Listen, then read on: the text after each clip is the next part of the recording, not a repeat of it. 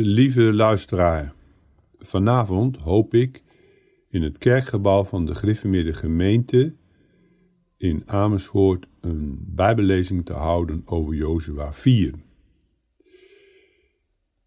Dit hoofdstuk gaat over de stenen bij Gilgal. En in dit hoofdstuk is er iets heel merkwaardigs aan de hand. Het gaat in dit hoofdstuk over de daden Gods.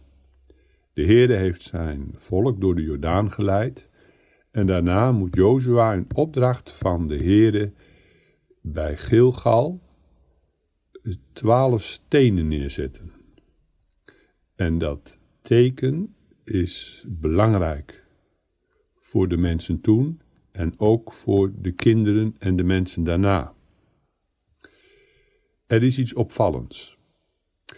Jozua moet ongeveer 1400 voor Christus dit teken oprichten.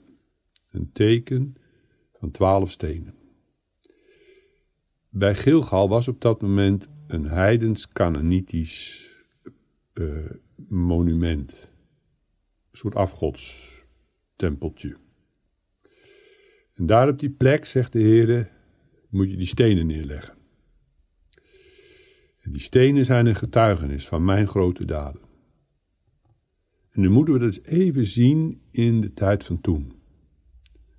Want ten zuiden van Israël lag Egypte. En in die tijd worden in Egypte de piramides gebouwd. Enorme bouwwerken. Die tot op de dag van vandaag indruk maken. Maar dat is niet Gods heilsboodschap geworden voor de wereld. Kijken we ten noorden van Canaan, dan komen we in Babel terecht, het huidige Irak. En daar regeert op dat moment Hammurabi en zijn opvolgers. Tot op de dag van vandaag is daar nog wel wat van overgebleven. De boeken van Hammurabi, de codex. Maar ook dat is niet Gods heilsboodschap. Gods heilsboodschap voltrekt zich bij de Jordaan voltrekt zich rondom een slavenvolk wat uit Egypte is verlost. En God zegt: niet de piramides van Egypte, niet de boeken van Hammurabi en zijn opvolgers, maar die twaalf stenen zijn mijn getuigen 1400 voor Christus.